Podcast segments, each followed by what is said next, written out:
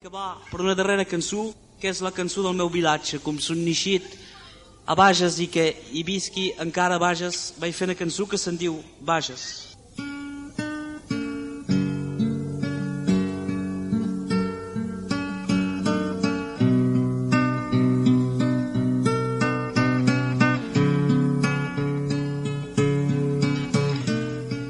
És com un clau plantat al mig d'un camp.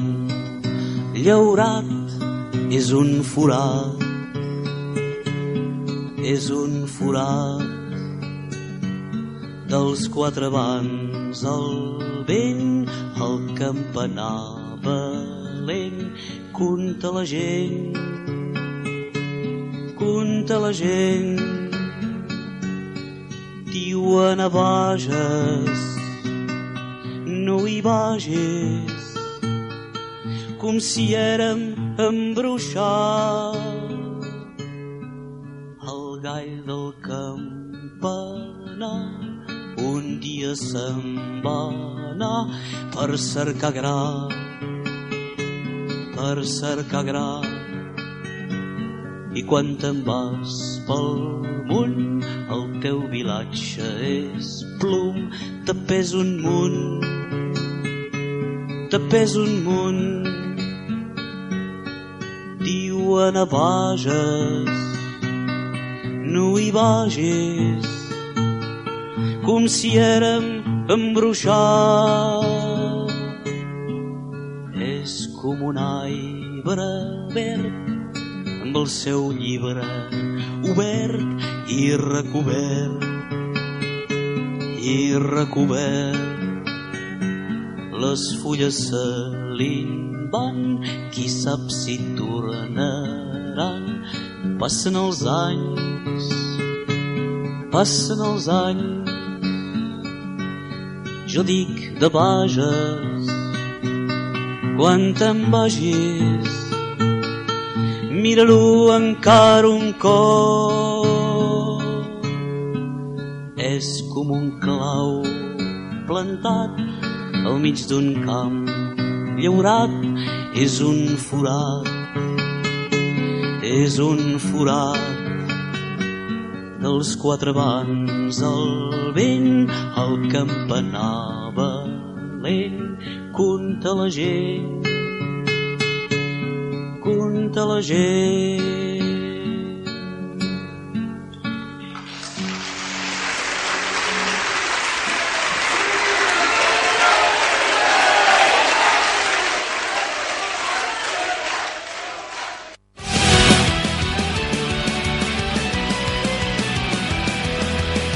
Benvinguts a Ràdio Xarxa Ebre, la que us connecta en les reivindicacions socials de les Terres de l'Ebre.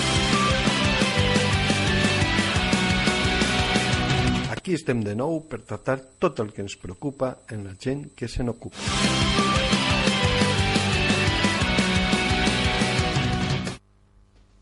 Bon dia i bona hora, bona gent.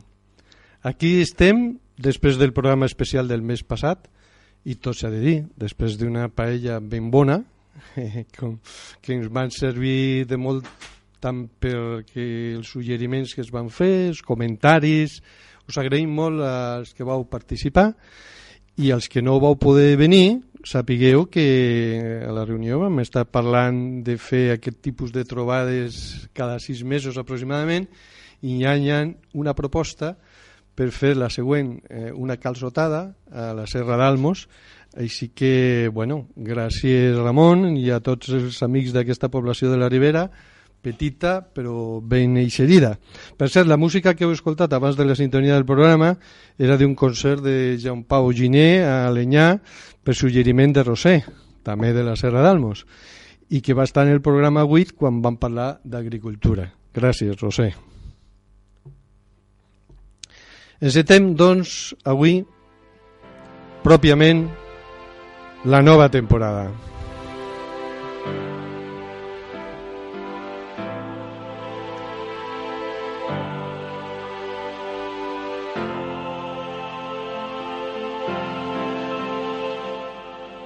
I ho fem quan Catalunya està ben sacsejada. No defugim aquí cap tema, ni molt menys la importància del que està passant, però hem pensat que en aquest programa és millor que ens centrem en els temes que hem vingut tratant sobre com fer xarxa entre les reivindicacions socials del territori. Però, com sabem que tot està relacionat i el que li passi a Catalunya en el seu conjunt ens afectarà poderosament, sense cap mena de dubte, ens plantegem aprofitar l'estudi del que disposem per fer programes que traten aquests temes específicament a banda de la periodicitat mensual pròpia d'aquest de Sarsa Ebre.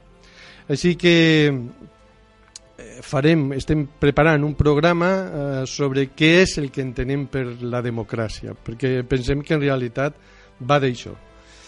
Quan ho tinguem preparat eh, us lo anunciarem per les xarxes i, i bueno, al que li interesse ja sap que ho pot sentir en esta mateixa, en mateix enllaç en directe o en els podcasts per l'e-box.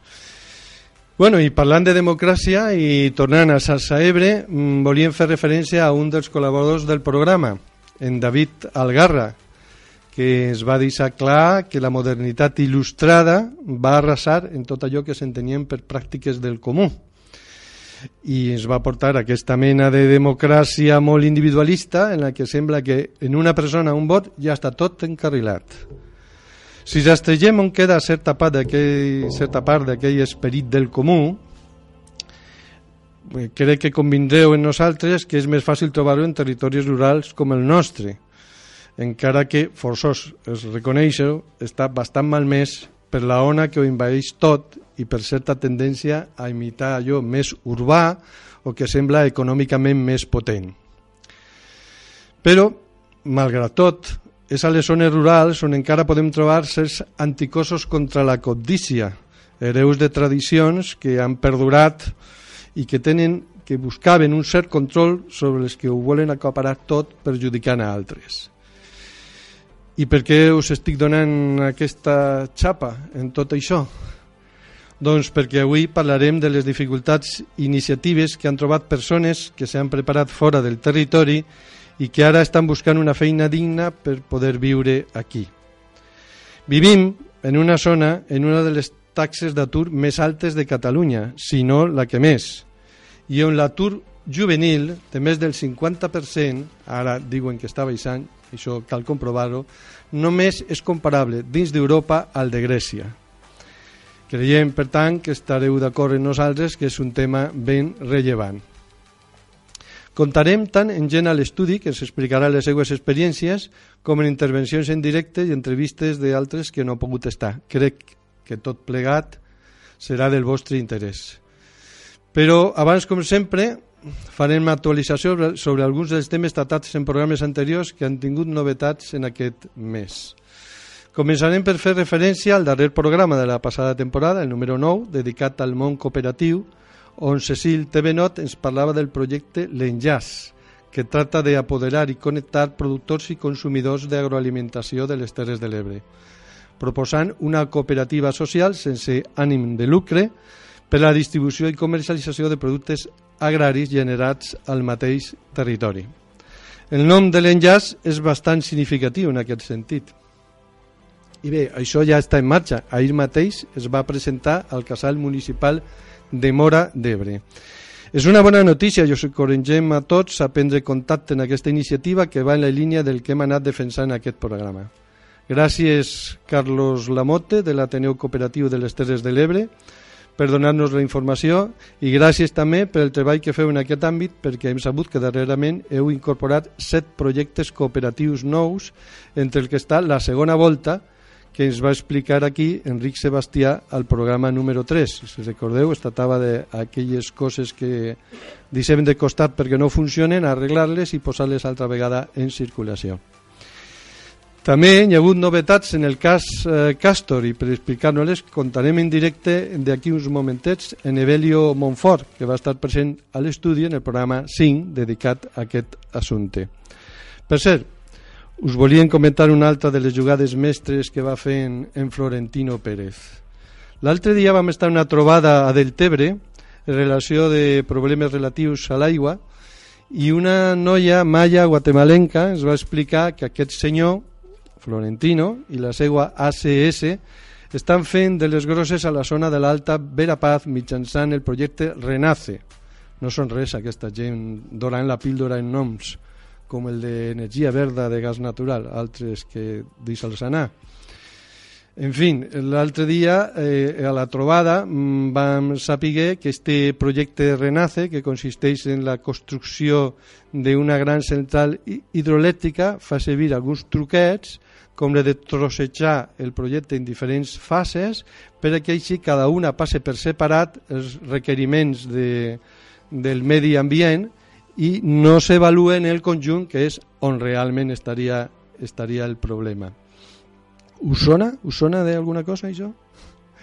En fi, aquesta noia i una companya van per cert ara a Alemanya a denunciar el finançament en fons públics alemans d'aquest i altres projectes que es deixa als indígenes maies de la zona sense possibilitat de supervivència. Quan tornen, hem quedat en entrevistar-les abans que regressin al seu país i al proper programa us passarem un fragment d'aquesta entrevista que podreu també escoltar sencera com a podcast. Pensem que vindrà bé perquè el proper programa ja ho l'anem anunciant, ho recordarem al final, va d'especulació a la Terra Alta i per tant especulació per especulació tot acaba estant lligat. En fi, a propòsit, fa poc hem sabut d'un costum ben curiós i significatiu del poble maia, que crec que ens hauria de fer reflexionar. Ells, quan visiten, per exemple, a uns compares, eh, es porten una quantitat de menjar més gran que la que poden menjar eh, la gent a la que, a la que el porten i que, a més a més, per dir-ho així col·loquialment, està a punt de caducar. O sigui, se l'han de menjar ràpid. I per què és això? Perquè la distribueixen és donar per compartir, per estendre relacions socials, per evitar acumulacions. És interessant com ve, veure com cultures que han estat menys tingudes i continuen sent-lo per aquest vendaval globalitzador han ideat sistemes per a controlar la codícia. Això és a lo que ens referíem quan parlàvem d'anticossos eh, contra la codícia. De Florentino Pérez, per cert, eh, sabeu que la seva empresa ACS és hereva de OHL. Esa era l'empresa com es dia abans. I OHL és la unió de tres empreses en les seues inicials, la del mig, la H, correspon a Uarte. I sabeu què va fer Uarte? Pues construir el Valle de los Caídos famós. O sigui, les connexions en el franquisme venen de junt. Us recomanem, per ser un llibre del periodista Antonio Maestre, molt interessant, Antonio Mestre, que eh, es diu Franquisme S.A. Franquismo S.A., està en castellà. I explica molt bé totes aquestes connexions econòmiques que perduren, mm, evidentment, actualment. I dit això, mm, posem una musiqueta i contactem en Evelio Montfort per que ens expliqui les novetats del cas Castor.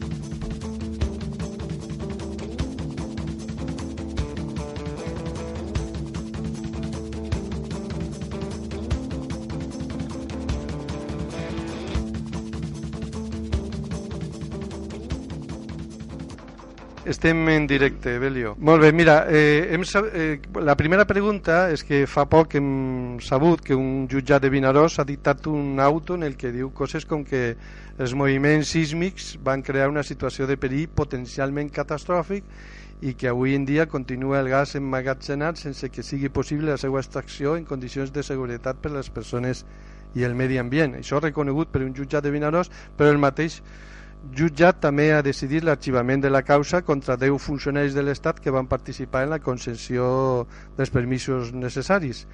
Què ens pots explicar de tot això, Ibelio? Com està el tema? Bueno, jo, per una part, sé el mateix que Batros, està claríssim el que diu el jutge del gas. Això ja ho van dir en el seu moment los, de, americans. El gas ja està dins. I este gas és que no es té que traure mai. Quan nosaltres en un principi a l'any 2007 va ser que vam dir que haurien terratrèmols, no ho vam dir perquè fossin uns visionaris ni perquè ningú de nosaltres fos geòleg.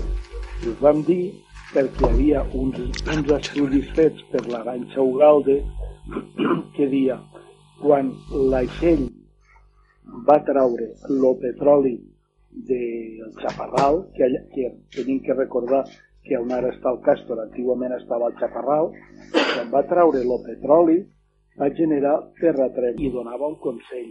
Mai més se fique allí dins cap classe de líquid. El gas no deixa de ser un líquid.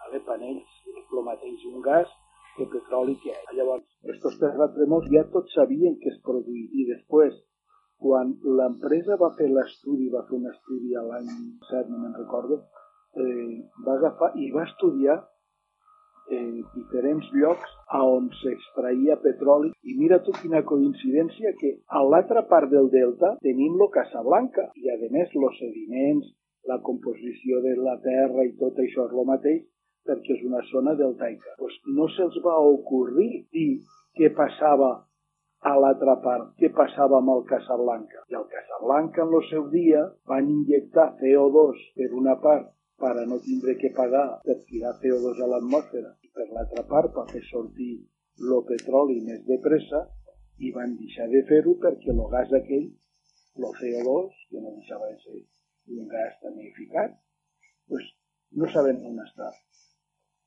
El mateix que ha passat aquí. Per què s'han produït els terratrèmols? Els terratrèmols s'han produït perquè a l'injectar el gas, part d'este gas se n'ha anat, s'imagina, a la falla Castor, que és com l'han descobert ara i el nom que li han ficat, i llavors s'ha produït que es trenquessin unes roques i que hi hagués unes fractures.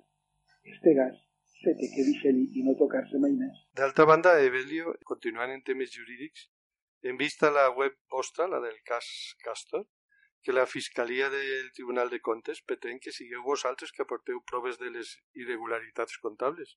I aleshores ens preguntem per què estan ells. Això no fa precisament el Tribunal de Comptes, investigar. Nosaltres en el seu dia ja vam presentar una denúncia al Tribunal de Comptes pels diners que s'havien gastat i lo malament que s'havien gastat.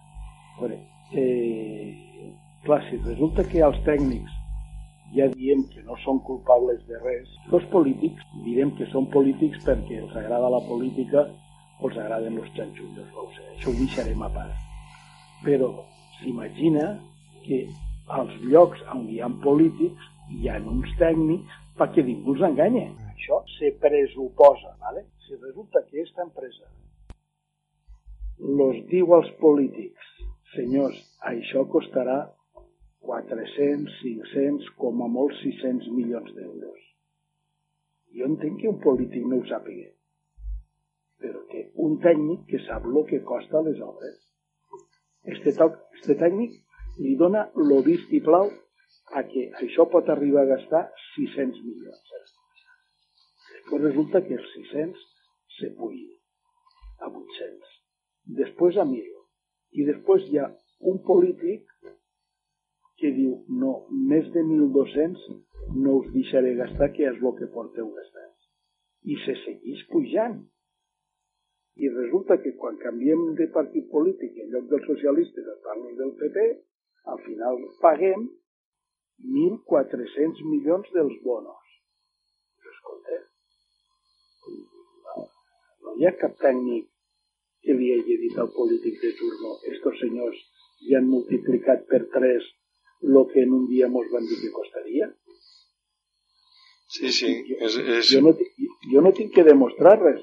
Només tinc que portar un paper del primer dia que van dir el que costaria fer aquestes obres i, a més, dient, mire, i això és millor que ficar les esferes com hi ha a Sagunto, per dir un puesto relativament prop, a Tarragona, perquè resulta que si fiquem esferes, sap, la, la, la quantitat de gas que nosaltres enterrarem aquí és l'equivalent a 14 esferes.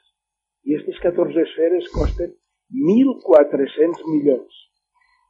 Han pagat 1.400 milions, el gas no el tenim a cap puesto, llavors, per què ha servit tot?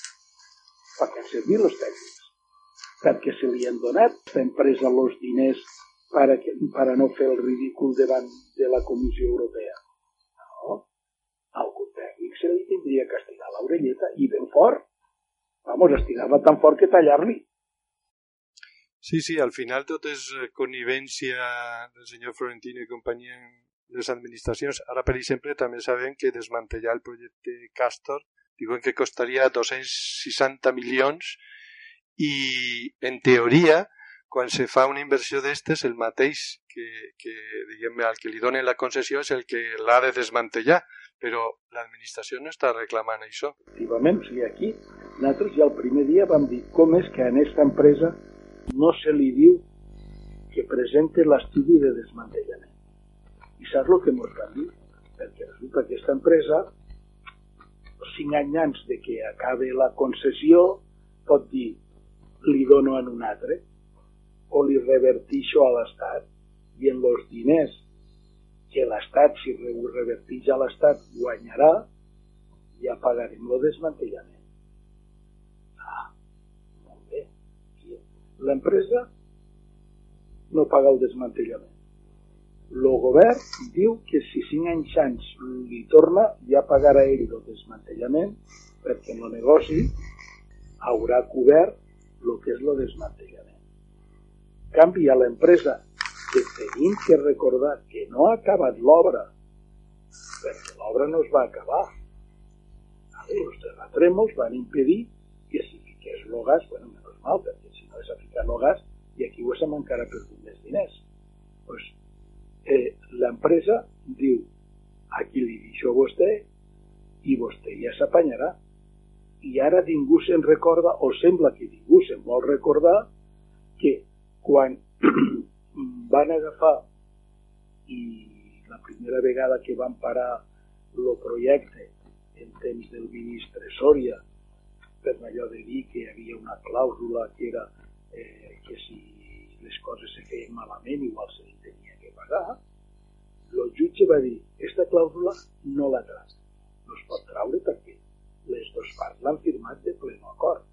Però, si algun dia hi ha dolor o hi ha negligència, vostès tornen a presentar una denúncia acusant a l'empresa de dolo i negligència.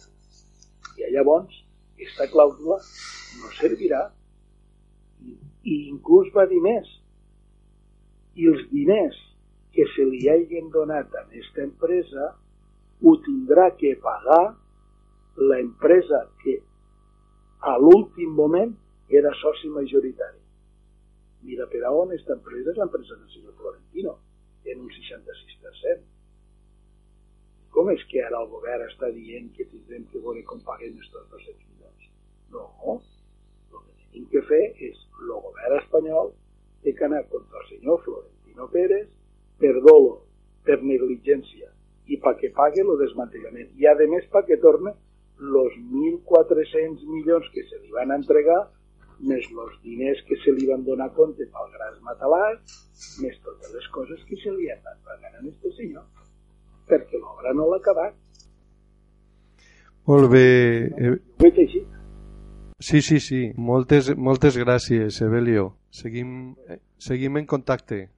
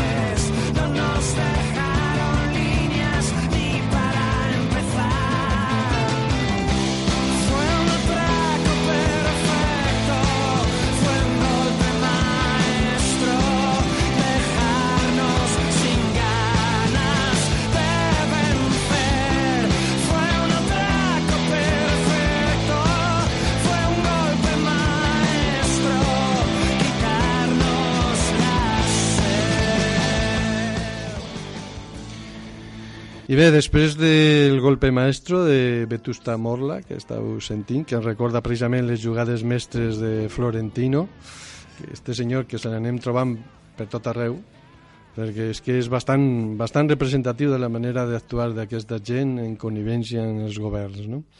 que haurien de defensar els seus pobles d'aquí i d'allà i evidentment no ho fan. Bé, ara ja sí entrem de ple al tema del nostre programa d'avui i ho farem, com sempre intentem fer, donant algunes pinzellades de context, en aquest cas en relació als canvis que s'estan donant en el món del treball i l'economia a escala global. Per situar-nos, us passarem primer una gravació d'un parell de minutets, on podeu primer escoltar a Bruno Estrada, que parlarà dels anomenats intangibles, Recordem que l'economia actual només una tercera part es considera tangible, allò que es deia economia productiva. O sigui que els altres dos terceres parts, el doble, és intangible o especulativa, com es deia abans. Bueno. I també es dirà que eh, això comporta una externalització. Stacey Herbert, del Casey Report de RT, explicarà precisament, de forma resumida, quines són les conseqüències laborals y prácticas de esta externalització. En la nueva productividad, lo que, lo que se incorpora al producto son eso que yo llamaba valor de obra de arte, ¿no? El precio depende de esa demanda sofisticada, el trabajo que se incorpora es fundamentalmente un trabajo cualificado y emocional, hay que entender qué es lo que va a querer la gente, ¿no? Eh, y, por tanto, la inversión sobre todo se produce en, capital humano. A diferencia de la anterior, el coste de producción es muy pequeño y la diferencia entre ese coste de producción y el precio final del producto es muy alta. Y eso se produce en actividades diferentes que son parte del proceso productivo, pero ya no de, fabricación, sino comercialización, diseño, publicidad, transporte, etcétera, etcétera. Esto en términos agregados, ¿qué es lo que supone? Que las empresas, en la medida que tienen que invertir en capital humano más que en capital físico, sus, márgenes de beneficio se van a reducir y, por tanto, las empresas lo que tienden es a un proceso de externalización de aquellas partes del proceso productivo que no son las más relevantes. La parte sobre la que la empresa tiene poder de dominio de mercado eh, se queda dentro de la empresa y las partes que, mm, que son producciones más homogéneas se externalizan fuera. ¿no? Y claro, el pánico aumenta porque la situación del 95% menos favorecido es mucho peor que en 1970, sobre todo después de abandonar el patrón oro y de adentrarnos en esta era de neoliberalismo y externalización de los puestos de trabajo. Es más, quedan tan pocos empleos bien remunerados que nos vemos obligados a luchar con uñas y dientes para asegurarnos de que nuestros hijos no se despeñen por el hueco de la escalera de la economía, lo cual le confiere un cierto toque de crueldad. Y el análisis de los datos a cargo de los investigadores y los economistas deja bien claro que la situación es mucho peor que hace unas décadas. En los años 80, en tiempos de Reagan, al 90% de los ciudadanos les iba mejor que a sus padres. En el año 2000, el porcentaje ya era del 50% y ahora está más bajo. Bé, eh, no voldrien donar una imatge massa negativa, però la veritat és que les coses estan així. I el tema dels famosos intangibles no el podem obviar. La veritat és que per si mateix trobem que no tenen res de dolent. L'ésser humà sempre tindrà aquesta càrrega simbòlica que se superposa al component estrictament material però és que em sembla una barbaritat és aquesta hiperinflació de la bombolla associada a tot això i el deteriorament de les condicions de treball a la que està portant. És possible trobar una combinació adequada del tangible i l'intangible? Bueno, per a la mostra, un botó, o millor, dos, precisament de les nostres, dels nostres voltants, amb projectes que combinen la part tradicional rural en noves tecnologies i maneres de fer productes nous en varietats antigues i que poden donar un caire més positiu a això que presentem. Un altre parell de minuts, aquesta vegada estrets de l'informatiu del canal 21 del dijous passat.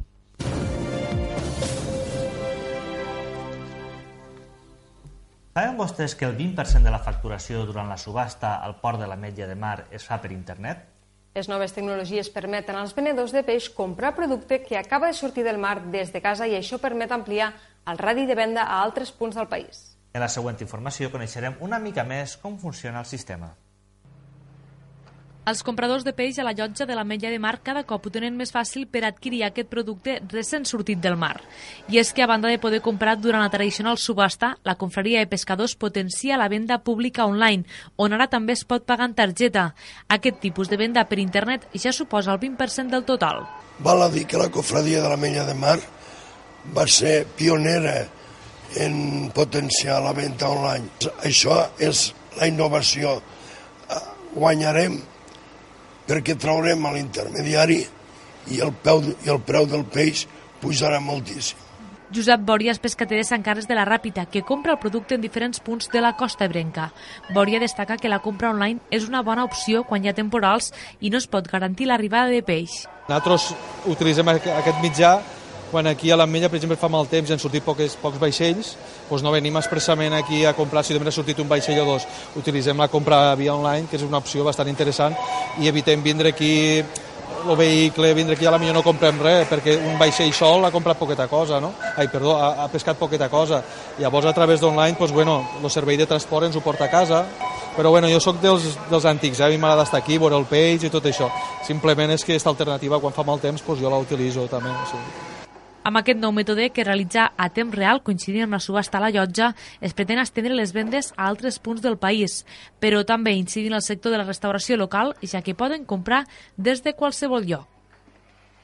I acabem de parlar de peix i ara ho fem de pa perquè l'Associació de Forners de Terol ha tirat endavant un projecte de recuperació de l'ús de varietats tradicionals de blat. Conjuntament amb Cereals Terol que ja està cultivant aquestes espècies pròpies de la regió, volen arribar a comercialitzar un pa i unes pastes elaborades amb unes farines úniques. Un pa amb el sabor més tradicional és el que volen aconseguir els forners del Matarranya. El gremi està en constant investigació per renovar-se i oferir als clients el millor producte. En este cas han mirat el passat per recuperar els sabors més tradicionals. Creo que es necesario volver atrás y mirar a nuestro lado para seguir en un futuro eh, cada vez más exigente. ¿Por qué? Porque los consumidores cada vez quieren algo mucho más diferente y algo no convencional, algo que no se encuentra en cualquier eh, gasolinera. En la primera fase del projecte, finançat amb els fons d'inversió de Terol i amb la col·laboració de la Universitat de Saragossa, van investigar la viabilitat del projecte pel que fa a la productivitat del cultiu. Ara estan pendents de la segona fase, on s'estudiaran les qualitats de les farines amb relació al producte final. Qué podemos hacer con estas variedades como son el negrete o negrillo, como es Florencia Aurora, Aragón 03 y la jeja, entre otros eh, cereales y trigos. Entonces, lo que queremos es ver eh, de qué forma analizamos las cualidades de esos trigos y los aportamos al, al producto una vez que hiciéramos pruebas de producto final, tanto a través de panes como a través de pastas y elaboraciones tradicionales, veríamos realmente eh, cuál es esa forma de poner en marcha el comercio y la elaboración de ese trigo, harina, pan. Es tracta d'un projecte que aposta per l'economia rural i per la recuperació de la biodiversitat de les espècies locals. Bé, això que acabeu d'escoltar ens serveix per anar aterrant ja al nostre territori, a les Terres de l'Ebre, per tractar de trobar possibilitats de dinamització que permetin un mode, de vida digne a la gent del territori. Hi ha diferents tendències. Hi ha uns que defenen que el que podria anomenar-se, s'anomena de fet transició agroecològica, i és que es decanten més per turisme o teletreball, entre altres opcions. Potser, potser, pensem nosaltres, el que cal és una diversificació, perquè tal com estan les coses, cap d'elles pot resoldre completament el problema i apostar per una d'elles en detriment de les altres s'ha demostrat que genera greus distorsions. A més, així, aprofitant la mida reduïda i assequible de les nostres comunitats, es pot impulsar una participació directa de tots els sectors a la recerca d'un equilibri que no deixi fora ningú aprofite les energies creatives de cadascú i pressione conjuntament a l'administració per a que faci el seu paper i aporte viabilitat a les iniciatives començant per proveir infraestructures i serveis adients. Necessitem que els nostres representants siguin això, representants nostres i no de cúpules de partits que sempre tenen al cap que a les zones urbanes donen més vots sent a més més fàcilment aquestes cúpules domesticables per als grans poders econòmics. Comencem a estar una mica tips de com utilitzen de manera buida i interessada conceptes tan vàlids com el de l'economia social i solidària i la sostenibilitat. perquè no es comprometen de debò a fer-la possible, perquè si ho fessin penalitzarien la insostenibilitat i la insolidaritat, i és evident que no ho fan. No només no ho fan, sinó que en són còmplices en el conegut argument de que donen jocs de treball. I clar, per aquest camí ja ho sabem. Les fàbriques d'armes també en donen de llocs de treball. Contribuir a carregar-se les petites i mitjanes iniciatives com estan fent contribueix a tenir més llocs de treball? A la vista està. Que es deixin de mentides, no volem crear jocs de feina, no volen crear jocs de feina, sinó tenir-los controlats, la qual cosa és ben diferent. I per això nosaltres creiem fermament que l'única solució ha de venir de l'organització de la gent en petites comunitats ben ensassades, exemple del qual la història que ens amaguen va ben plena. Bé, tot això ho podem debatre en els nostres convidats, així que sense més preàmbuls passarem a presentar-los. Eh, tenim en primer lloc a Laia Beltrán, ella és periodista i bueno, eh, està treballant eh, a Barcelona però vivint aquí. Ella nos ho explicarà. Bon dia i gràcies per estar aquí. Hola, bon dia Vicent i moltes gràcies per convidar-me. Mm, en el sentit de... Jo vaig estudiar, bueno, jo soc Cona, vaig estudiar aquí fins a l'institut, vaig anar a estudiar a Barcelona i em vaig quedar vivint allà treballant quasi 20 anys com a periodista. Però en un moment donat, per temes mm, personals, bàsicament perquè vaig ser mare i vivia un pis a Barcelona que era molt xulo, però era, era menut, eh, vam haver de prendre una decisió de ens canviem de pis o ens canviem de ciutat. I vam valorar mm, tornar a Ulldecona, que és d'on jo, jo, jo soc.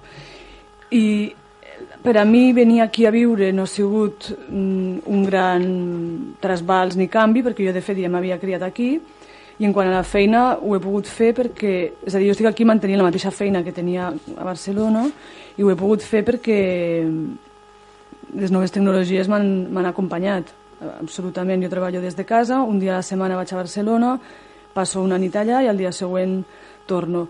La única queixa que puc tindre és el tema de les infraestructures per exemple, el tren, que des de les, eh, des de les institucions es fan moltes campanyes eh, de conscienciació sobre el medi ambient, de no agafar tant el cotxe, però a l'hora la veritat et trobes que no funcionen com haurien de funcionar.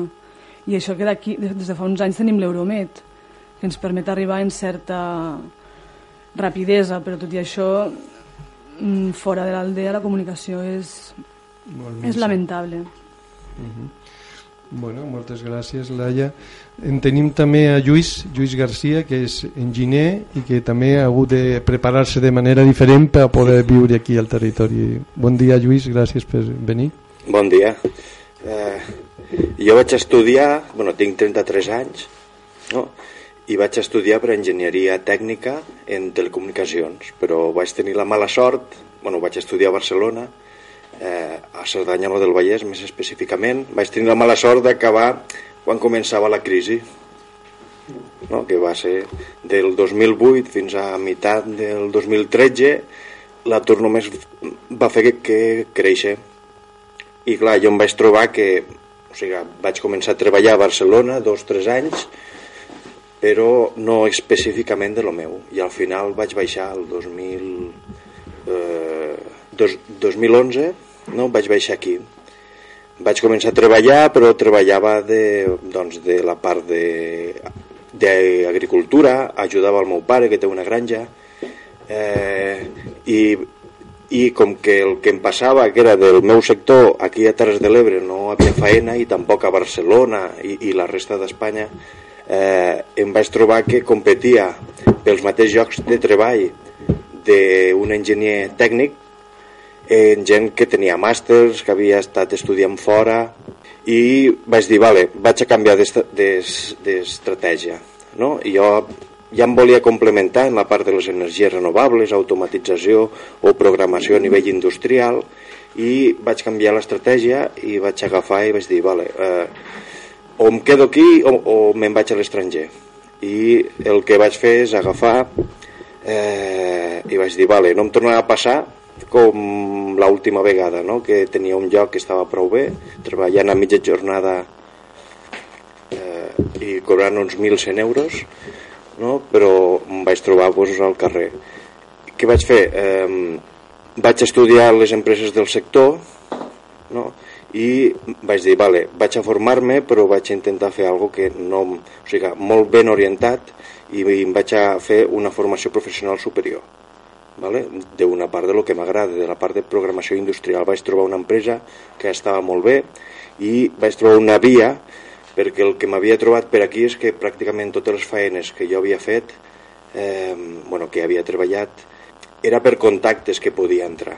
I jo em trobava que en la majoria de gent que jo coneixia també els hi passava el mateix. I clar, en una situació d'on l'atur està vora a més del 20%, vaig dir, tinc que trobar una altra forma vaig buscar un FP superior que tenia, o sigui, que els, els FPs fan pràctiques, però hi ha una modalitat especial que són les pràctiques en dual, on tu pràcticament dupliques les hores. Vaig identificar una empresa que estava molt bé, no? que, que estava creixent i ho estava fent d'una forma correcta, no? li estaven donant premis i o sigui, que, que, que, o sigui, que estava exportant molt i vaig fer just l'FP que necessitava per a entrar. Jo ho explico per a que les persones que estan començant, si es troben en una situació, han d'intentar conèixer i dir, vale, com faig perquè l'empresa em coneixi si no tinc contactes?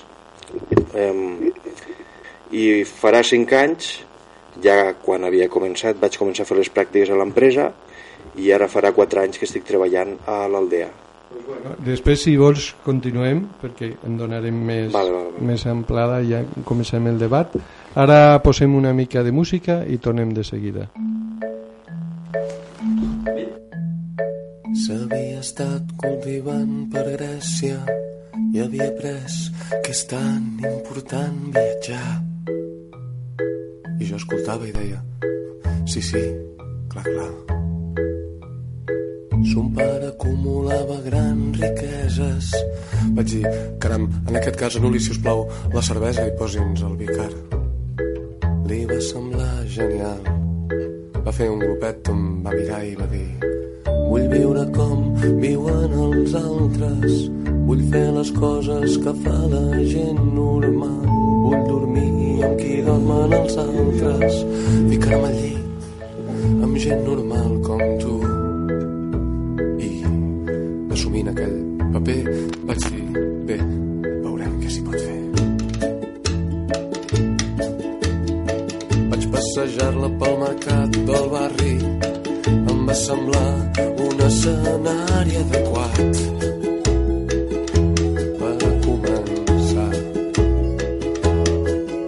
d'acord, ara fes veure que no tens ni un duro. I va riure i va dir, quina gràcia, que boig estàs, ets molt divertit francament, Marta, no em sembla que ningú estigui rient aquí. Ja t'ho has pensat bé, això viure com ho fan els altres, veure les coses que veu la gent normal, dormir amb qui dormen els altres, ficar-te al llit amb gent normal com jo.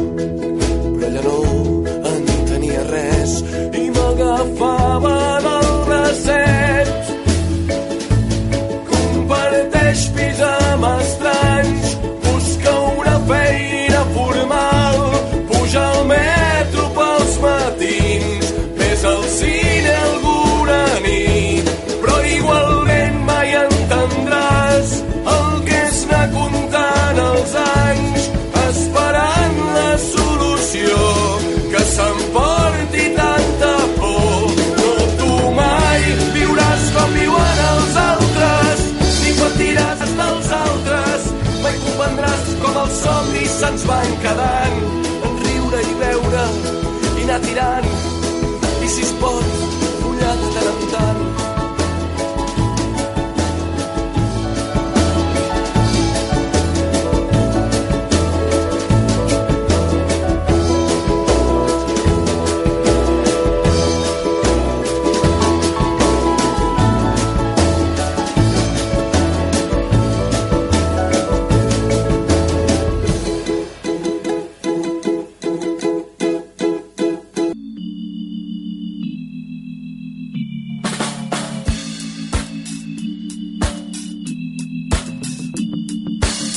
Esteu escoltant Xarxa Ebre, la que parla del que ens preocupa amb la gent que se n'ocupa.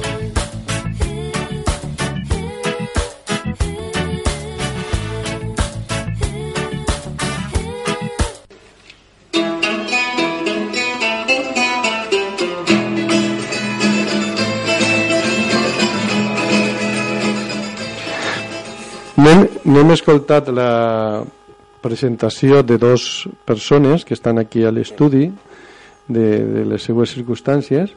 Després de baratrem en elles però abans volíem afegir sobre la taula el cas de dues persones més que no han pogut venir. Una l'anem a trucar ara per telèfon l'altra la vam entrevistar i posarem després un fragment de la seva entrevista. Eh, el primer el que entrevistarem ara per telèfon en directe si tot va bé, esperem que sí és a Josep, Josep Juan. Eh, ell eh, ens explicarà directament a què es dedica.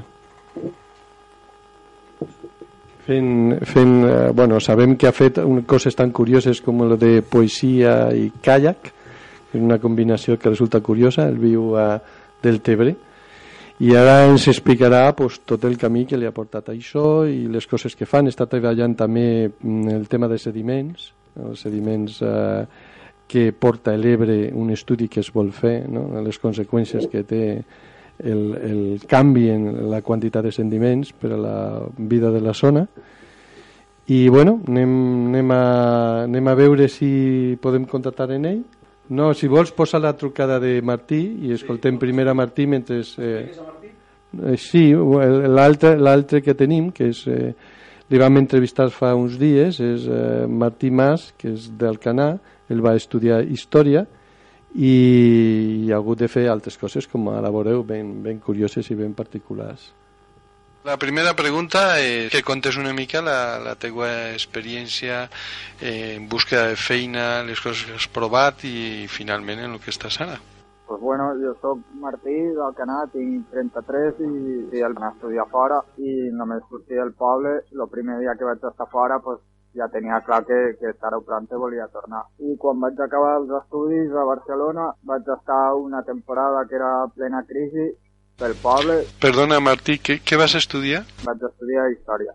Uh -huh. Sí, perdona, continua, sí, sí. Pues això, vaig fer Història, vaig fer un màster de medieval i vaig fer un màster de, de, de professorat, a poder fer classes de secundària. I vaig, vaig acabar i estava a part de Barcelona i vaig tornar al poble que era el que volia, però era plena crisi i no hi havia feina. I vaig estar uns mesos per allí, buscant i mirant i tal, i no, no sortia res, ja em vaig anar a Londres i ja, pues, allà sí que era bastant fàcil, sense currículum, sense pràcticament anglès, qualsevol podia trobar alguna cosa, i vaig estar allà pràcticament dos anys, vaig aprendre anglès, vaig fer diverses coses, vaig madurar també, i va haver un moment pues, que vaig vaig decidir tornar i tornar a provar sort i al poble pues, seguia tot complicat, vaig tindre que tornar a Barcelona, vaig estar pues, també fent una mica de tot i va sortir no fa molt una oportunitat de poder tornar al poble, de,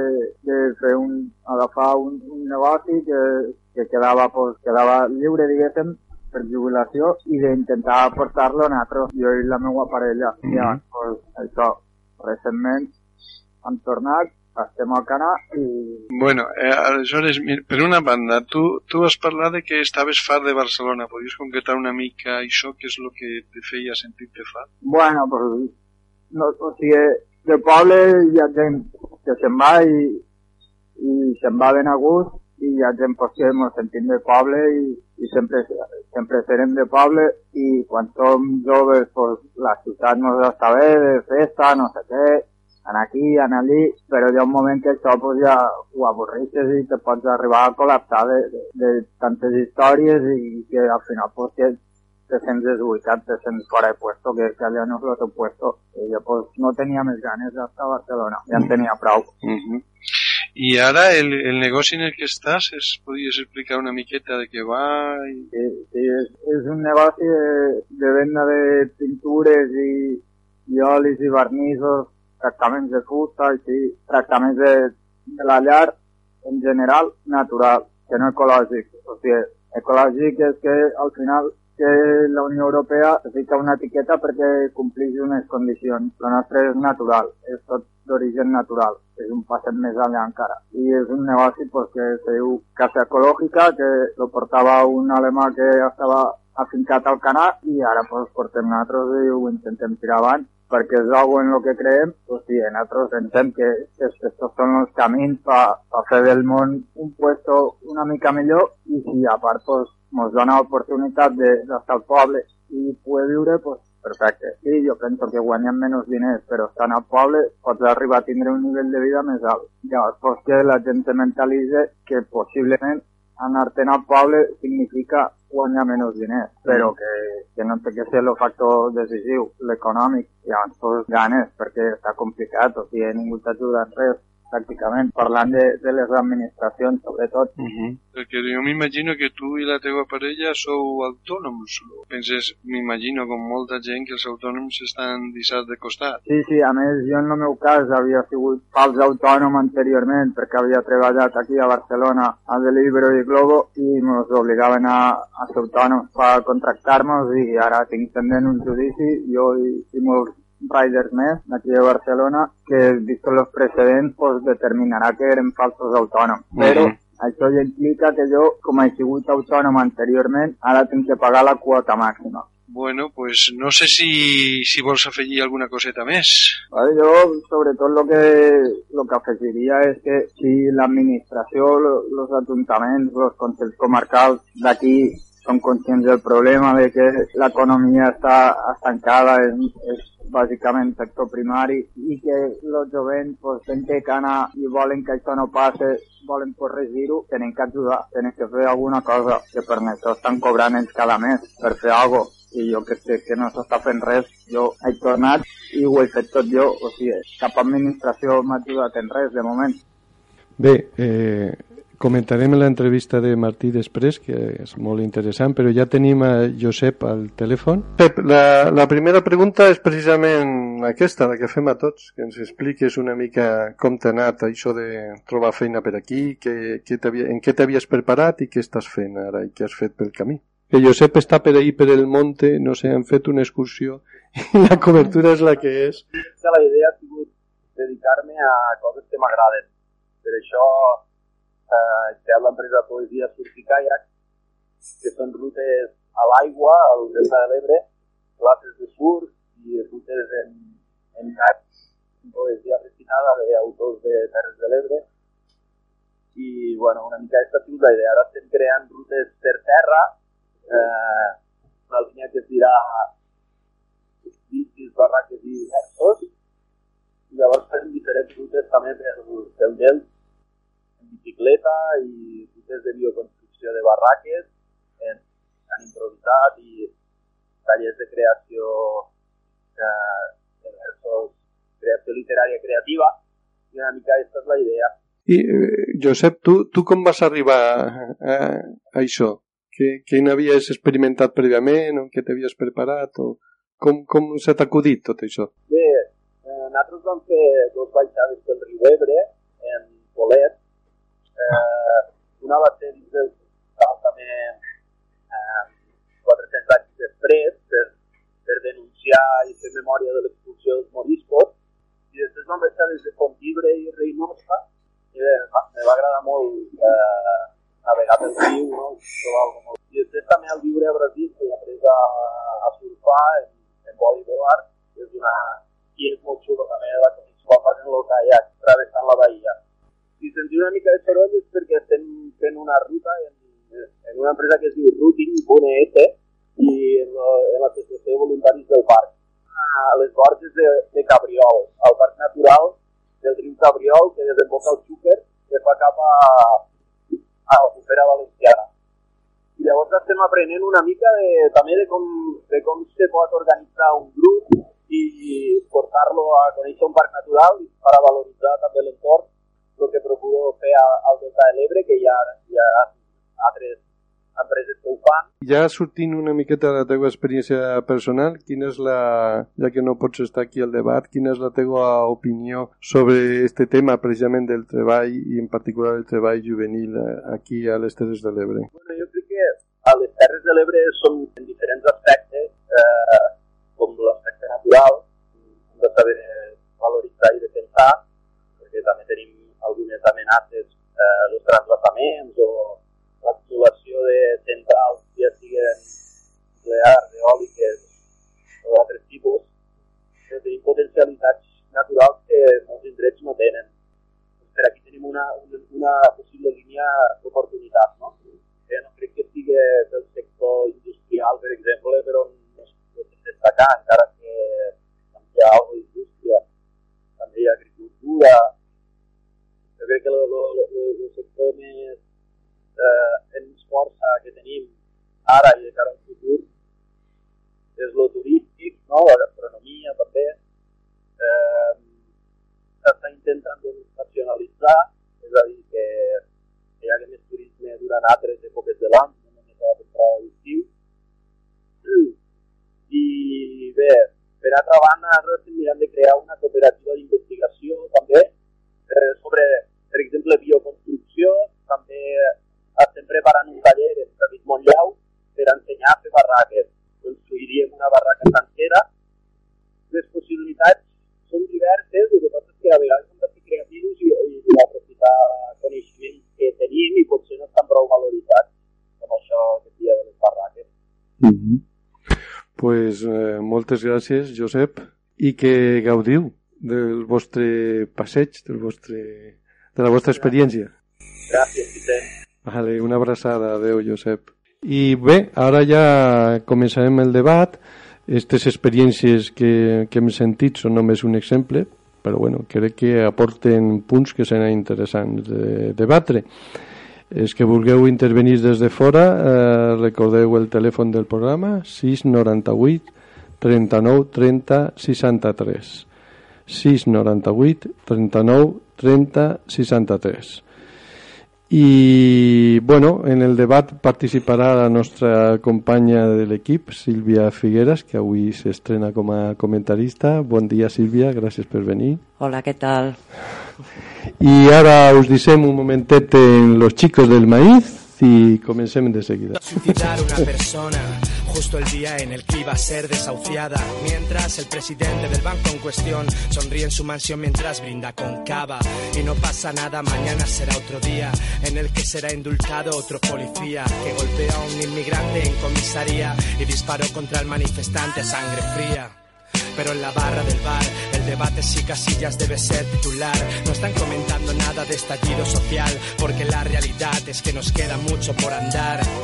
Porque la tele nos maneja y te dicen ama tu país, pero odia Venezuela. Y el pobre cree la falacia, no se dan cuenta que el pobre no tiene patria. Pero los tiempos cambian y la clase obrera sangra. Normal si ya hablan, normal que los ojos abran, normal que quieran cambiar el estado que oprime, normal que poco a poco la violencia legitime. Porque se está acabando el tiempo y el hambre no entiende de prima de riesgo. Por ello la rebeldía es un derecho, por ello hay que gritar soberanía para el pueblo. Recuperemos lo que es nuestro, que sabrá el burgués de dolor y sufrimiento. ¿Qué mierda sabrá el burgués de tener que pluriemplearse para llegar a fin de mes? Pero nos quieren asustados, dóciles callados, entre nosotros enfrentados. Y en lugar de derrocar al amo, pasamos la vida luchando entre los esclavos. Y el miedo es nuestra condena, pero mira, no hay nada que perder salvo las cadenas. Y si hay hambre frío, no tengamos miedo, que hay pisos vacíos y supermercados llenos. Venimos de la larga noche, los invisibles, hombres y mujeres libres. Por nuestros abuelos, No vine a ser marginal, yo vine a saltar los cielos. Sin miedo, sin nada que perder, no nacimos para resistir, nacimos para vencer. Por nuestros abuelos, no vine a ser marginal, yo vine a saltar los cielos. Bueno, pues ja, ja estem aquí disposats a començar el debat. I no hi ha un guió preestablert de què és el guió, el debat. Realment tenim el tema al damunt, hem escoltat els, els testimonis de, de quatre persones, la introducció, aleshores es, es tracta de que el que vulgui dir alguna cosa que trenqui el gel i anem... Jo, Lluís. Vale. Jo voldria dir una cosa, no? i és que, clar, portem uns 40 anys de suposada democràcia, no? I la Mm. mitjana d'atur que hi ha hagut a Espanya és sobre el 17-18%. Clar, això és més del triple del que es considera el pleno empleo. Uh -huh. Llavors aquí hi ha alguna... Jo crec que molta del, del problema és pel problema de corrupció que no es destinen els recursos que toquen eh, per l'administració o s'envien recursos per als interessos de certes empreses grans. Uh -huh. Això per una part.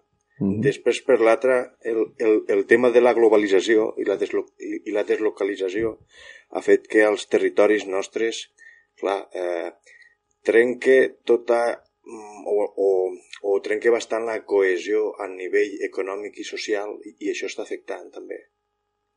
Uh -huh. Uh -huh. No. Sí, sí, no, el que has tret és ben... Sílvia? Bueno, això és el que has dit tu a la introducció, uh -huh. que és, vivim a un terreny bastant deshabitat, llavors eh, políticament per vots és un terreno que no, que no interessa a l'administració pública i sempre destinaran més diners a on puguen traure més vots i aquí quants, quants, quanta gent som a les 200.000 no arriba, més sembla que són 189 Sí, bueno, a, arrodonint, arrodonint sí. una mica a l'alça, no? Però sí, sí, no, clar, però sobre una població de més de 7 milions a Catalunya, pues és un de cada 35, diguem-ne, no? Eh, som poca gent. Això té avantatges, perquè, per lo que dim, al ser comunitats petites podem fer les coses de manera més participativa, però té inconvenients en què l'administració no, no dona suport, no li interessa perquè no tenim una estructura política que realment estigui arrelada a la base, sinó que va de cúpules de partits cap avall i clar, així és, és difícil que s'interessen per, per això, no? Com, com ho veieu, no? Penso, al millor per això, a banda de, de, de posar-li creativitat, a banda de, diguem-me, com, com el, el que heu explicat vosaltres, més o menys cada una la seva experiència, o la de teletreball, diguem-ho així, de, de l'AIA, o, o, o la teua formant en una altra cosa, o... Eh, clar, perquè em sembla que no ho he explicat. No? Uh -huh. O sigui, fa quatre anys que estic treballant de programador de màquines uh -huh. per a mecanitzar motllos que injecten plàstic i fan peces per al sector de l'alimentació.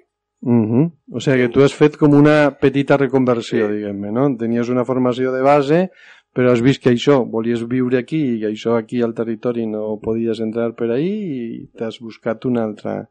I si un... no, me'n tenia que anar fora. Sí. A Alemanya, als Estats Units o... I és, és, este és el, el problema. I aleshores, bueno, el, el, el Martí, que per una banda també va estar formant-se en una, en una direcció, ell, ell ha hagut de fer un canvi encara més radical, no?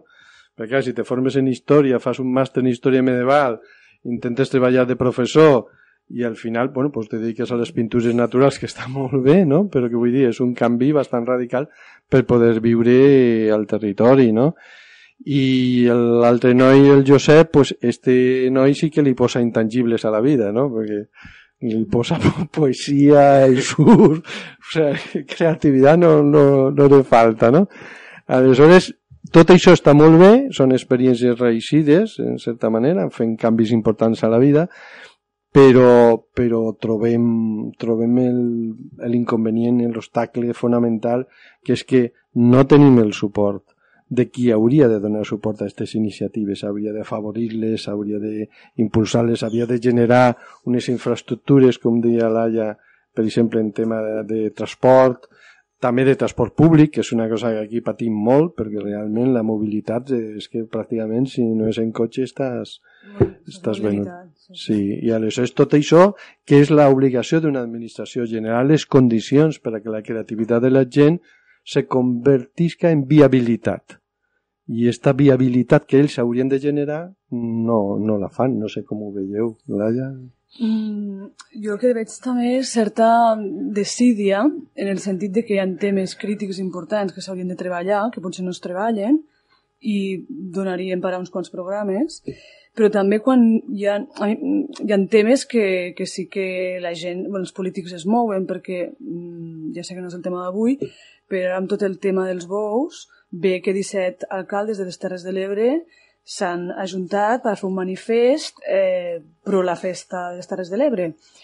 A mi em sorprèn que no es facin aquestes reunions per a parlar dels trens, que això sí que afecta al 100% de la població. per exemple.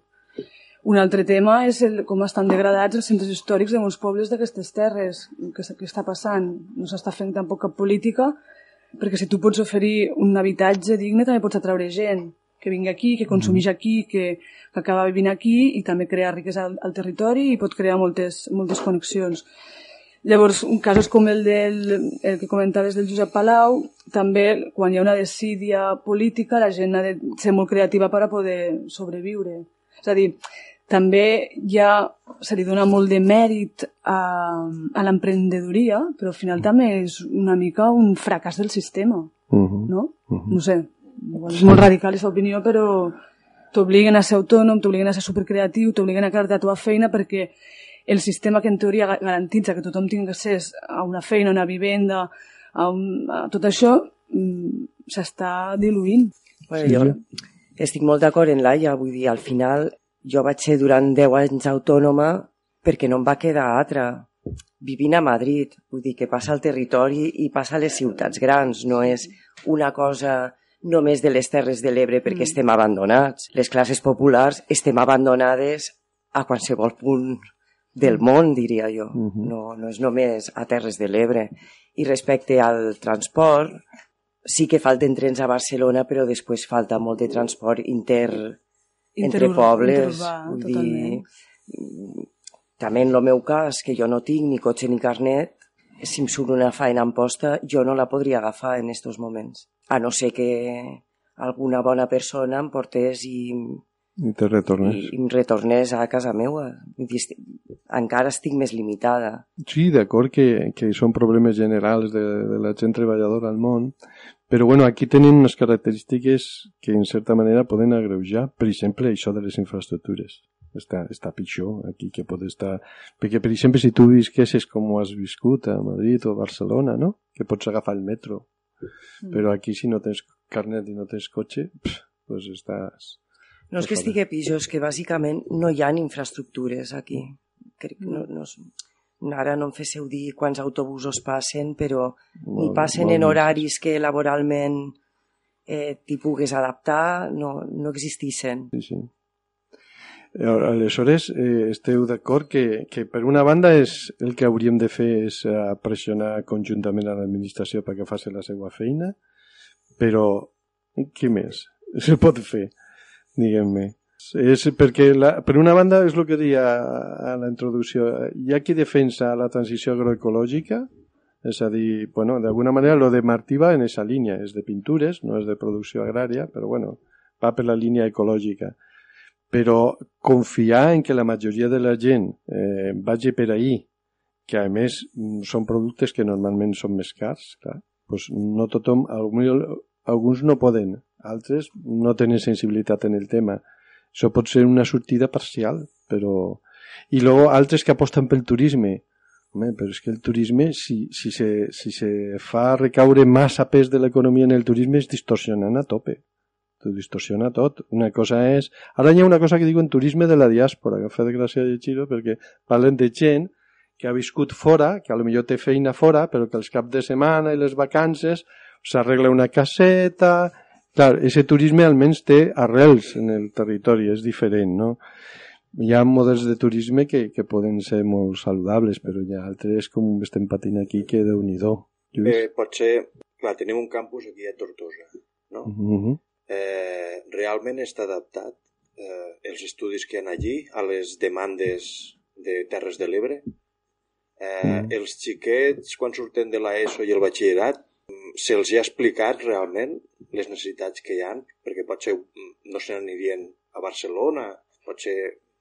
Jo trobo que falta una miqueta la part de la, o sigui, de l'educació i la formació que la tenim un poc a l'aire Uh -huh. i la- i l'agricultura i la ramaderia aquí jo almenys la veig molt, molt deixada.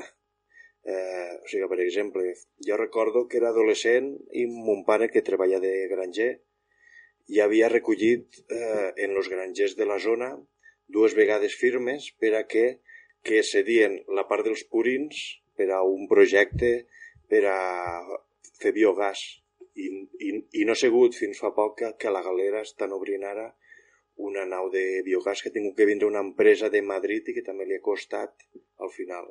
Clar, si aquí no tenim un teixit dels, eh, dels ajuntaments que treballen d'una forma molt més eficient, perquè si no tenim tants recursos, si són poques persones, eh, hem de treballar molt més intel·ligentment i mm, més com un bisturí.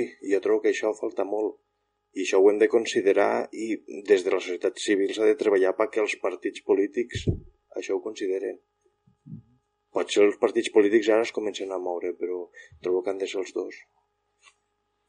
Jo el que veig és que potser eh, el dissenyar, diguem-ne, un, perquè s'han fet plans d'estos estratègics i tal, de Terres de l'Ebre, el dissenyar un pla, bueno, potser estigui bé que ho faci l'administració, tècnics contratats per l'administració, però jo crec que seria suficient en què senzillament les iniciatives que la gent va prenent tinguessin recolzament, perquè el problema és que després la gent se li acudixen coses, fa coses i es troba en un mur. És a dir, no, no, no, I li donen cap, no li donen cap suport. Les empreses, les persones en cooperatives, autònomes, empreses petites, mitjanes, i no, no tenen recolzament. És a dir, a lo millor no li podem demanar a una administració que tingui tota la creativitat, diguem-ne, que, que seria necessària, però almenys que no la deixi de costat, la que pugui la gent tirar endavant, que doni suport, que busque això, convertir en viables les iniciatives, assessorar-les, acompanyar-les, no sé. Laia, tu com ho veus? Jo és que tampoc... Eh... Clar, és que la, la meva feina està a Barcelona, llavors jo el dia a dia aquí, en aquest aspecte, tampoc m'he trobat anant a buscar feina pel territori. Uh -huh. El, llavors no, no, no et sé dir si realment existeixen eh, xarxes o oficines que te donen recolzament o, o no. Però sí que es podrien fer coses. Per exemple, a Ulldecona mmm, és una cosa molt de més de capital, però potser estaria bé un espai com un coworking que gent que és autònoma de diferents camps pogués anar allà, tenir una taula, tenir un ordenador, perquè això també crea sinergies i crees contacte amb gent, perquè a vegades si no el contacte l'acabes fent amb les mares del col·le, amb els amics que coneixes de sempre i també et perds moltes coses. No sé tampoc això quin dispendi pot suposar-li a, un, a un ajuntament, però no crec que sigui molt. Suposo que també té molt a veure la, la, volun, la voluntat de fer coses Mm, no sé. Però bueno, algo així no, no ho veig tant. Me sembla que la Galera, que és un poble molt més menut, Sí. havia, havia com una, alguna cosa així, veritat? Sí, I a Deltebre crec que també hi ha un, un viver de, Sí. de coworking, sí. Clar, perquè, perquè no passa això a Ulldecona, perquè ningú es planteja perquè no està passant aquí, quan jo crec que infraestructures allà per a, Sí. per a cedir-ho. Ha de ser sempre una iniciativa de la gent, de la societat civil, mmm, perquè no, mm, no hi ha múscul a l'hora d'oferir això. Això crec que és una, una via que es podria explotar, no la veig tan cara, i segurament poden sortir molts projectes interessants a, a partir d'aquí. Uh -huh. I, una cosa, eh, tu, tu per exemple, eh, vas tenir moltes dificultats per aconseguir eh, treballar aquí, en el, la teua feina, o va ser relativament fàcil? El... Eh, va ser relativament fàcil perquè jo quan estava a Barcelona era autònoma i l'únic que vaig tindre que demanar al, al meu cap va ser en lloc de venir cada dia, perquè jo anava cada dia igualment, mmm, vindré un dia a la setmana, que és quan fem les reunions, una mica mmm, posem coses en comú, valorem coses. Jo treballo en una editorial que fa llibres sobre cultura visual, estic al Departament de Màrqueting i Comunicació i a banda també faig llibres per a aquesta editorial. I, a, i com a periodista també mm, publico al diari Ara i a la revista Time Out el que faig és entre, normalment entrevistar a creadors. També ven, a, un dia a la setmana a Barcelona em permet estar en contacte amb, amb una ciutat que m'agrada i que jo estava bé allí vivint i, i no, no em va resultar cap, cap problema. De fet, viure aquí i passar-me un dia i mig allà, per a mi és la fórmula i l'equilibri ideal, és que no, no ho canviaria. És a dir, no me n'aniria a viure a Barcelona però també deixar d'anar cada setmana també... Que molta gent em diu ai, no et fa pal? Quina... Pues no, no em fa pal. Em fa pal arribar a l'aldea perquè el tren va tard i no tenir com tornar a casa.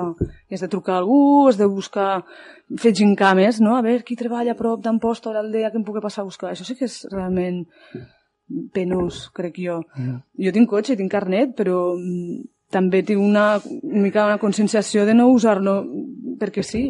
És que, és que si no són tants, tants de d'arguments contradictoris a la vegada, però bueno, és... El que passa és que potser aquesta opció eh, en la que tu t'has pogut eh, acollir és relativament minoritària, perquè són poques les professions que poden fer això, no? Professions liberals o tipus... Sí, també és veritat que no és el més, no és lo més comú, està clar. Mm. Lluís?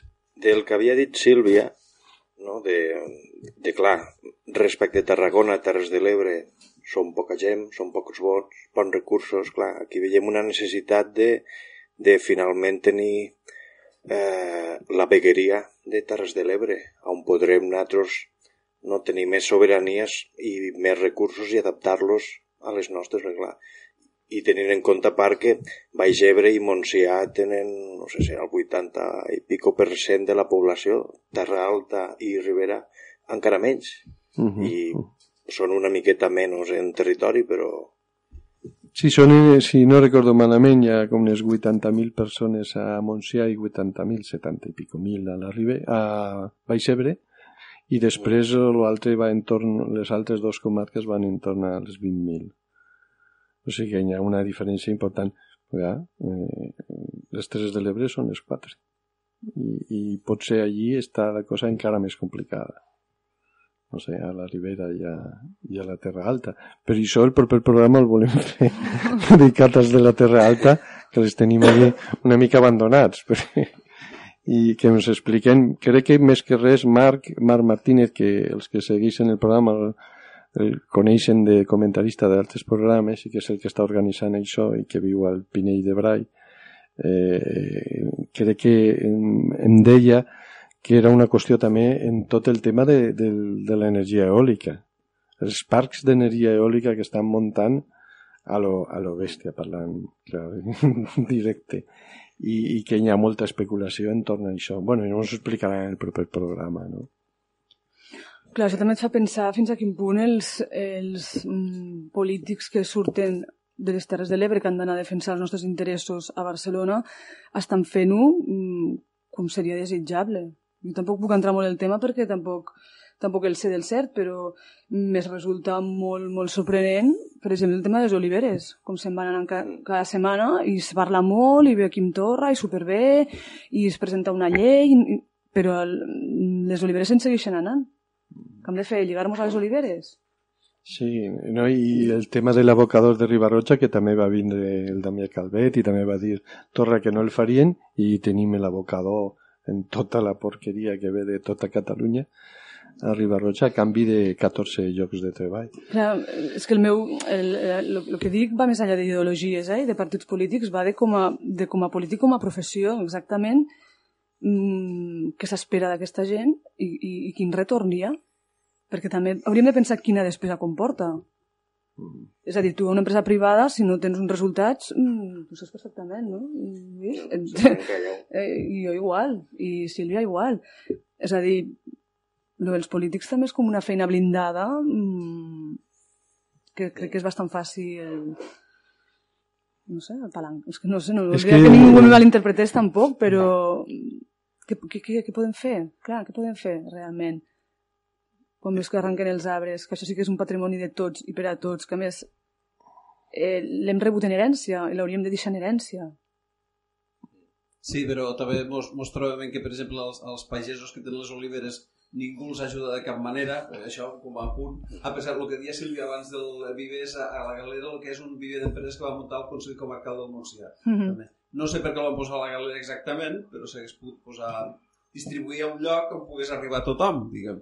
És que sembla que ens estem lamentant tot el rato, però és que sembla que... A veure, jo... Tampoc està malament, eh, descentralitzar, no. vull dir, tampoc sí, ha d'estar tot en posta ni a Tortosa. Em, em sembla bé la, la galera, però no sé si s'ha informat prou d'això o no sé. Sí, sí que s'han muntat, jo sé que s'han muntat empreses allí, empreses petites, autònoms i això s'han posat, i els va bé perquè tenen la infraestructura, connexions d'internet i tot el necessari, pots fer contactes, però no sé si s'ha arribat a escampar molt. Jo, per exemple, una cosa li volia preguntar a Laia o a, o a Lluís, és igual, o a Sílvia. Uh, per exemple, en el cas de la teva feina, la, la qüestió de les infraestructures digitals, que és una altra de les coses que no hem tingut fibra òptica fins fa 4 o 5 mesos, mm -hmm. tu vas tenir problemes, si vau tenir problemes per a treballar? No, perquè jo em vaig, bueno, em vaig posar internet a casa i algun dia que plou molt no funciona, però em sembla que li passa a tothom. A tothom. I algun dia s'ha penjat i, pues, mira, he hagut d'anar a casa de ma mare o connectar-me amb el 4G.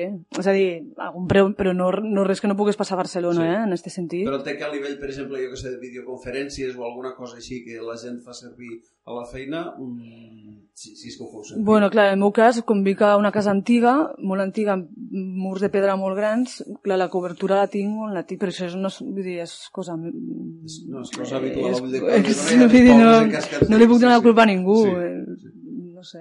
No, és a dir, la feina que faig jo, és, a dir, algú que jo li envio un email, ell, el 99% de, dels casos se pensen que estic a Barcelona, però és que no hi ha cap diferència Val. pràctica. I si em truquen, me truquen al mòbil, Ah. Ja està. Jo és que el, que el que sembla que diem tots i, i no ho acabem de dir és que sembla que hi ha una manca de, de, de com a algú que es penteja les coses una mica per a que tinguéssim lo, no sé, lo, lo mínim que tenen altres territoris més poblats. Pot ser? Però potser el problema és una mica de com està muntada la representació política, és a dir, hi ha altres eh, models de representació en el món on realment, per exemple, un diputat és un diputat de districte. Eh? I aleshores el model anglosaxó més, més van per ahí. Entonces respon a la gent del districte. Sí, aquí mos anem I a si no el, el tiren avall. I si no el tiren avall. I aquí no és així. Aquí un, un, un representant va en una llista tancada de Totalment. partit i aleshores ell aquí respon al cap del partit que li ha posat, no a la gent que li vota. I aleshores per ahí ja anem malament, perquè aleshores ja sap que en qui, serà- això és interessant les primàries que van fer aquí a Udecona de, de Fem Poble on van obrir la votació per a que les llistes... A veure, jo ho vaig veure interessant. Van votar ta tanta gent com a Tortosa. Mm. Sent sis vegades més... Mhm. Sí, sí, no, que la, la, la participació de la gent és fonamental, perquè si no estem... És que ja no és una cosa personal, ja no és cosa de que un determinat representant sigui més bo o més dolent, és com està muntada la cosa. És que no... És que els partits polítics, de fet, lo de les llistes obertes és una demanda que jo he anat sentint i llegint bastantes vegades, però és que als propis partits no els interessa, perquè quan hi ha una llista oberta tu perds el control sobre el Mhm. que hi ha allà. I llavors aquí, al final, és una qüestió, com en totes, de poder, de control i de diners. Llavors és molt difícil que un partit vulgui llistes obertes si, si no pot mm, manar directament. Mhm. Passa que, clar, mm, jo, vol- jo preferiria votar persones i no, i no a, a llistes. De fet, ara arriba el 10 de novembre i m'agrada gent de diferents partits. A quin partit voto? no sé. A mi el que m'agradaria dir és exactament a la persona, no lo, tot lo, lo que hi ha, lo que hi ha de, darrere. I, però, clar, això també implica un canvi de cultura política molt gran i, i no sé si estem preparats o si... O no sé, què Home, primer hauríem de sortir de la dictadura i ja després, si vols, parlar de... Perquè... De la dictadura de partits. Un moment. També, també. I és una cosa curiosa que al Senat se pot fer això que dius, Laia. Això. Le pots marcar. Però per què? Perquè el Senat no pinta res, o pinta molt poc. Bueno, per al lo que 155, pinta. pel 155 pinta, no? Per al 155. Per l'altre ja no pinta. I ale- aleshores ahí dicen, no? Però quan realment volen controlar-ho, ahí podeu dir el que vulgueu que no... I clar, a més és això que dèiem, que, que el fet de que sigui una cúpula, diguem-ne, és que també una cúpula és més fàcilment, vaig a dir una paraula forta, però més fàcilment controlable, domesticable, subornable, que, que si està realment arrelada en, en els diferents territoris. Això d'agafes a, a los 4 o 5 mandamasses del partit que els altres van seguint en escala jeràrquica i els ofereixes el que sigui o tal, i a partir d'ella t'has controlat tot. Doncs, los Florentino de turno tenen, tenen, ho tenen molt més fàcil, molt més fàcil així.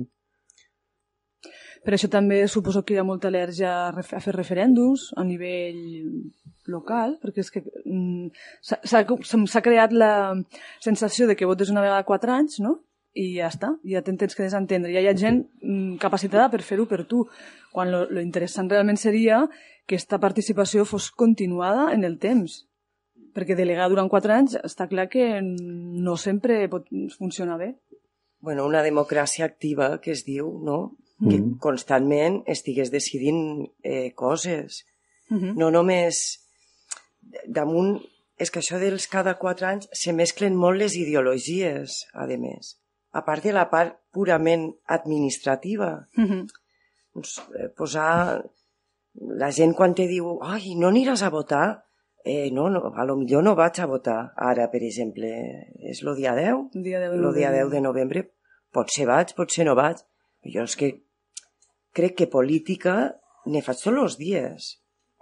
Sí, vull dir, ja, ja, estic implicada en una sèrie de coses o tinc una relació en el meu entorn que per a mi ja és d'alguna manera fer política. M'implico en el meu entorn. Mm. Eh, després a mi què m'aporta votar si només és cada quatre anys? Jo en això discrepo perquè si l'única arma que tenim semi-efectiva és votar, los la regalem, encara... És a dir, jo te dic, jo aniré a votar i no sé què votaré, però crec que tinc la, el deure cívic, o no sé, civil o com sigui, d'anar i votar. I segurament no votaré convençuda al 100% a cap de les opcions que se me presenten, però de moment és l'única manera que tinc de, de, de, no sé, de dir alguna cosa. I parlant de lo de les consultes populars, també penso que hi ha temes que estan for haurien d'estar fora de, de, les, de les línies de partit, perquè són super transversals. I s'haurien de discutir a nivell de ciutadania, de gent de, de no sé, del poble. És a dir, com, com se posa segons quin partit a defensar segons quina cosa? És que no, no té cap ni peus, crec. No, la, la, la sensació sempre és una mica que eh, una vegada has votat, que és per això que Sílvia suposaria el desencant este que tens de, de no Mm. anar-hi, és que una vegada no cal que vagis a demà moltes coses perquè és la sensació del copet a l'esquena i bueno, ja mirarem si t'ho arreglem i d'aquí quatre anys ens tornarem a veure. No, no... Sí, però s'ha de lluitar i és com contra... que les coses funcionen, les fan funcionar algú i tu estàs una vegada has votat i a sobres. Te, te, posarem, te farem les coses però no... És, és, és, és pessimista total, eh? Eh, És curiós perquè hem començat eh, diguem que faríem un especial sobre democràcia No avançar. i al final No hem acabat parlant d'això És que, a veure, si, si permeteu, és, és allò... jo crec que hi ha coses que no, es- no es poden... Hi ha coses que s'haurien de poder... La gent les haurien de poder votar. Com fan a Suïssa, qualsevol sí. cosa es es pot votar. Les coses importants... És que no vull reiterar amb els mateixos exemples, però hi ha coses tan de calaix que, que no sé què estem, que estem tardant. A més, crec que hi ha un reglament i una llei que ho articula, que ho pots fer. És que hi ha, la, ha d'haver la voluntat política de fer-ho.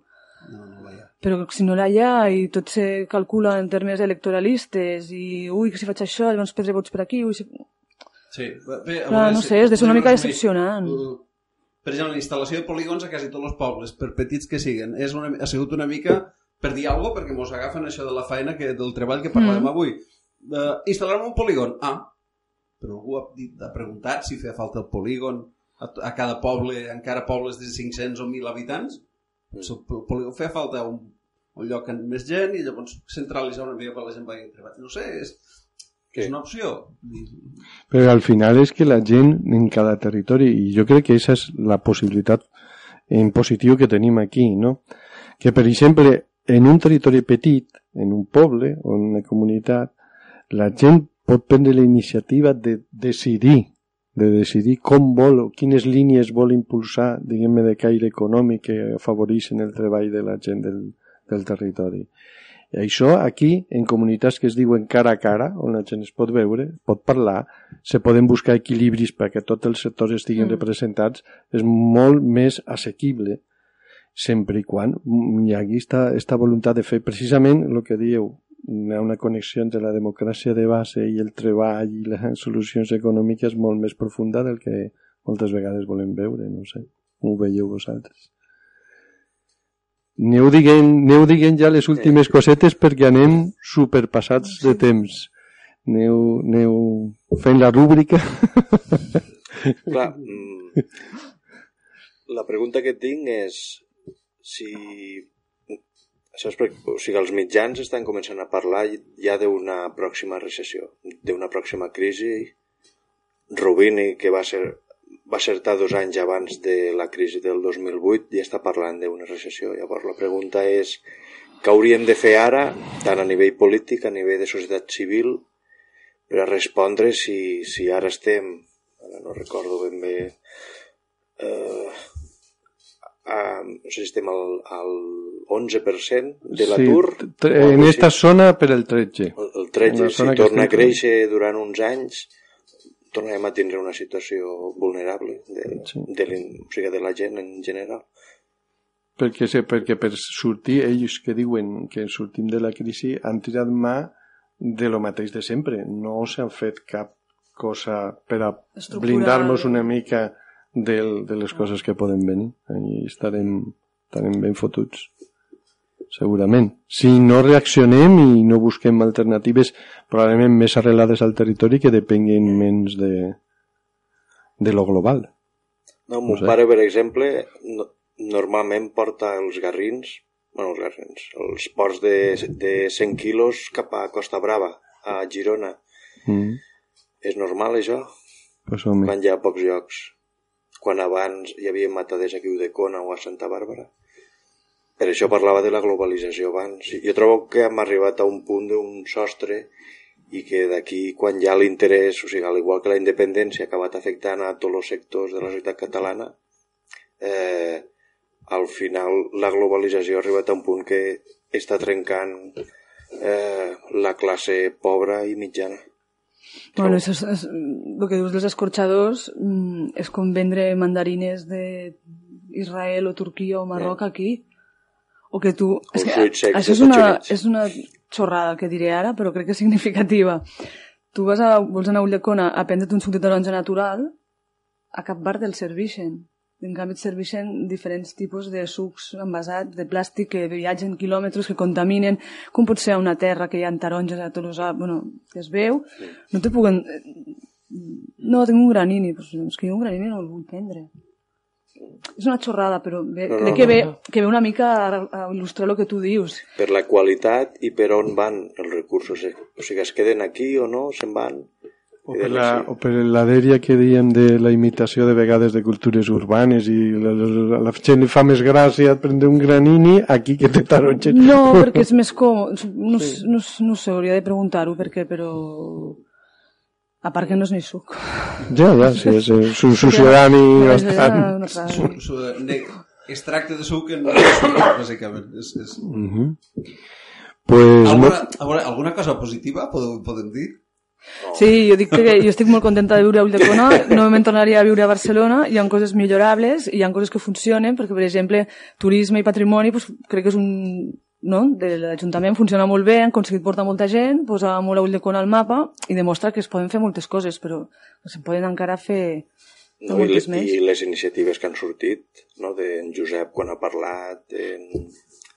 Ai, no me'n recordo com se dia l'altre. Martí. En Martí, Eh, Martí. No? Eh, I en Raisan, en lo no, o sigui, la xerrada futura serà sobre democràcia, no? Bueno, esa és una O- xerrada, eh, és un programa que farem fora dels habituals de xarxa Ebre, com un extra, un Perquè especial. pot ser interessant eh, veure com de flexible és la política local per Mhm. a canviar tot el que m'he estat dient. Mhm. Potser és més flexible del que pensem. Mm, pot... Potser hauríem de donar més confiança. amb els que votem. O no. Oh, bueno, eh, la confiança se guanya, se guanya. se l'han de guanyar.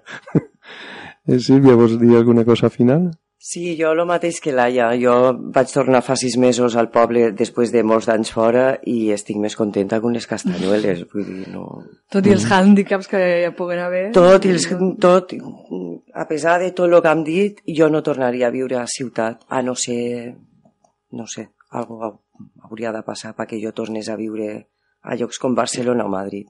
No. Martí ho ha dit, crec jo, bastant bé, quan ha dit allò de, bueno, se Sí. trata de, de decidir entre viure en menys diners, però, diguem-ne, en altre... Perquè, al fin i al cabo, fer les coses en conjunt necessita temps. Si tu tens una vida molt apretada perquè te fiquen en esta roda de que has de guanyar molts diners, al final no tens temps per a disfrutar de les relacions, per a fer les coses en conjunt, tot això que estem defensant, no? El, o, o no, o a lo millor n'has de dedicar més temps per a poder sobreviure. Perquè, per exemple, Martí em deia, jo voldria estar al programa per coses que té l'autònom, és diumenge i he de treballar. Mm. Sí. Bueno, jo crec que, que al final això demostra que el capitalisme és un sistema que ha, ha col·lapsat i que està fent aigües una mica. Per molt que ens vulguem fer creure que el millor és, no sé, tenir una feina, un cotxe, tenir un... No sé, però... Moltes Sí. coses. La riquesa material. Totalment. Al final no... És a dir, no té preu eh, poder a les 5 de la tarda anar a buscar un fill al col·le caminant, baixar per uns camps i tornar a casa i no sé. O quan ets menut, Ja no, que te'n vas a jugar al camp, eh, no sé.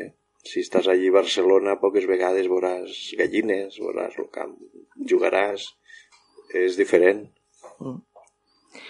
Molt bé, pues posem ara Los Invisibles. Este de quin eren, Los Invisibles, te'n recordes? Sí, No, este vols Invisibles que- era Los Chicos de Mai. No, ara són moviment. No, Són- has, pencat. Has pencat. Has pencat. Va, valencianets. Som moviment i després ja fem el, el comiat eh, així formal i, i, i ja acabem el programa.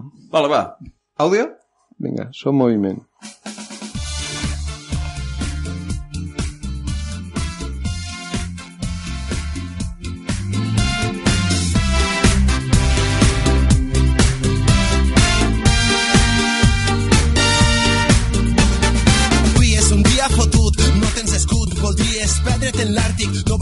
comprendre que viure és fantàstic, que no ets un mes entre el públic.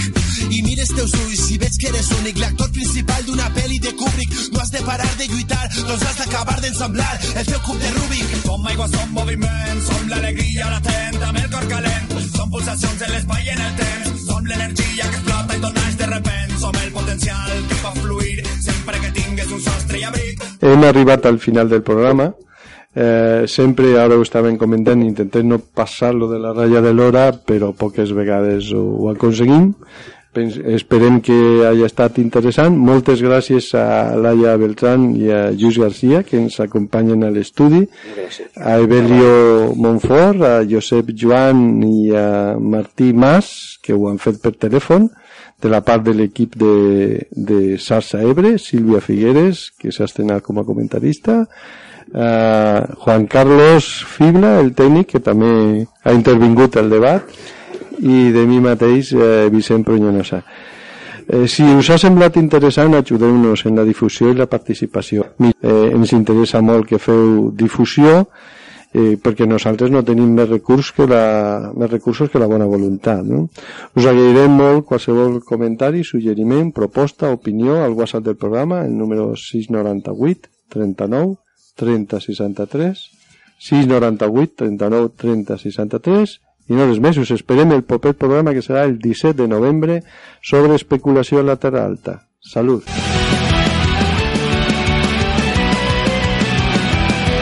T'esperem a la propera emissió de Xarxa Ebre. Ens trobaràs al WordPress, al Gmail, al Facebook, al Twitter, a l'iVox, sempre en aquesta etiqueta, Xarxa Ebre.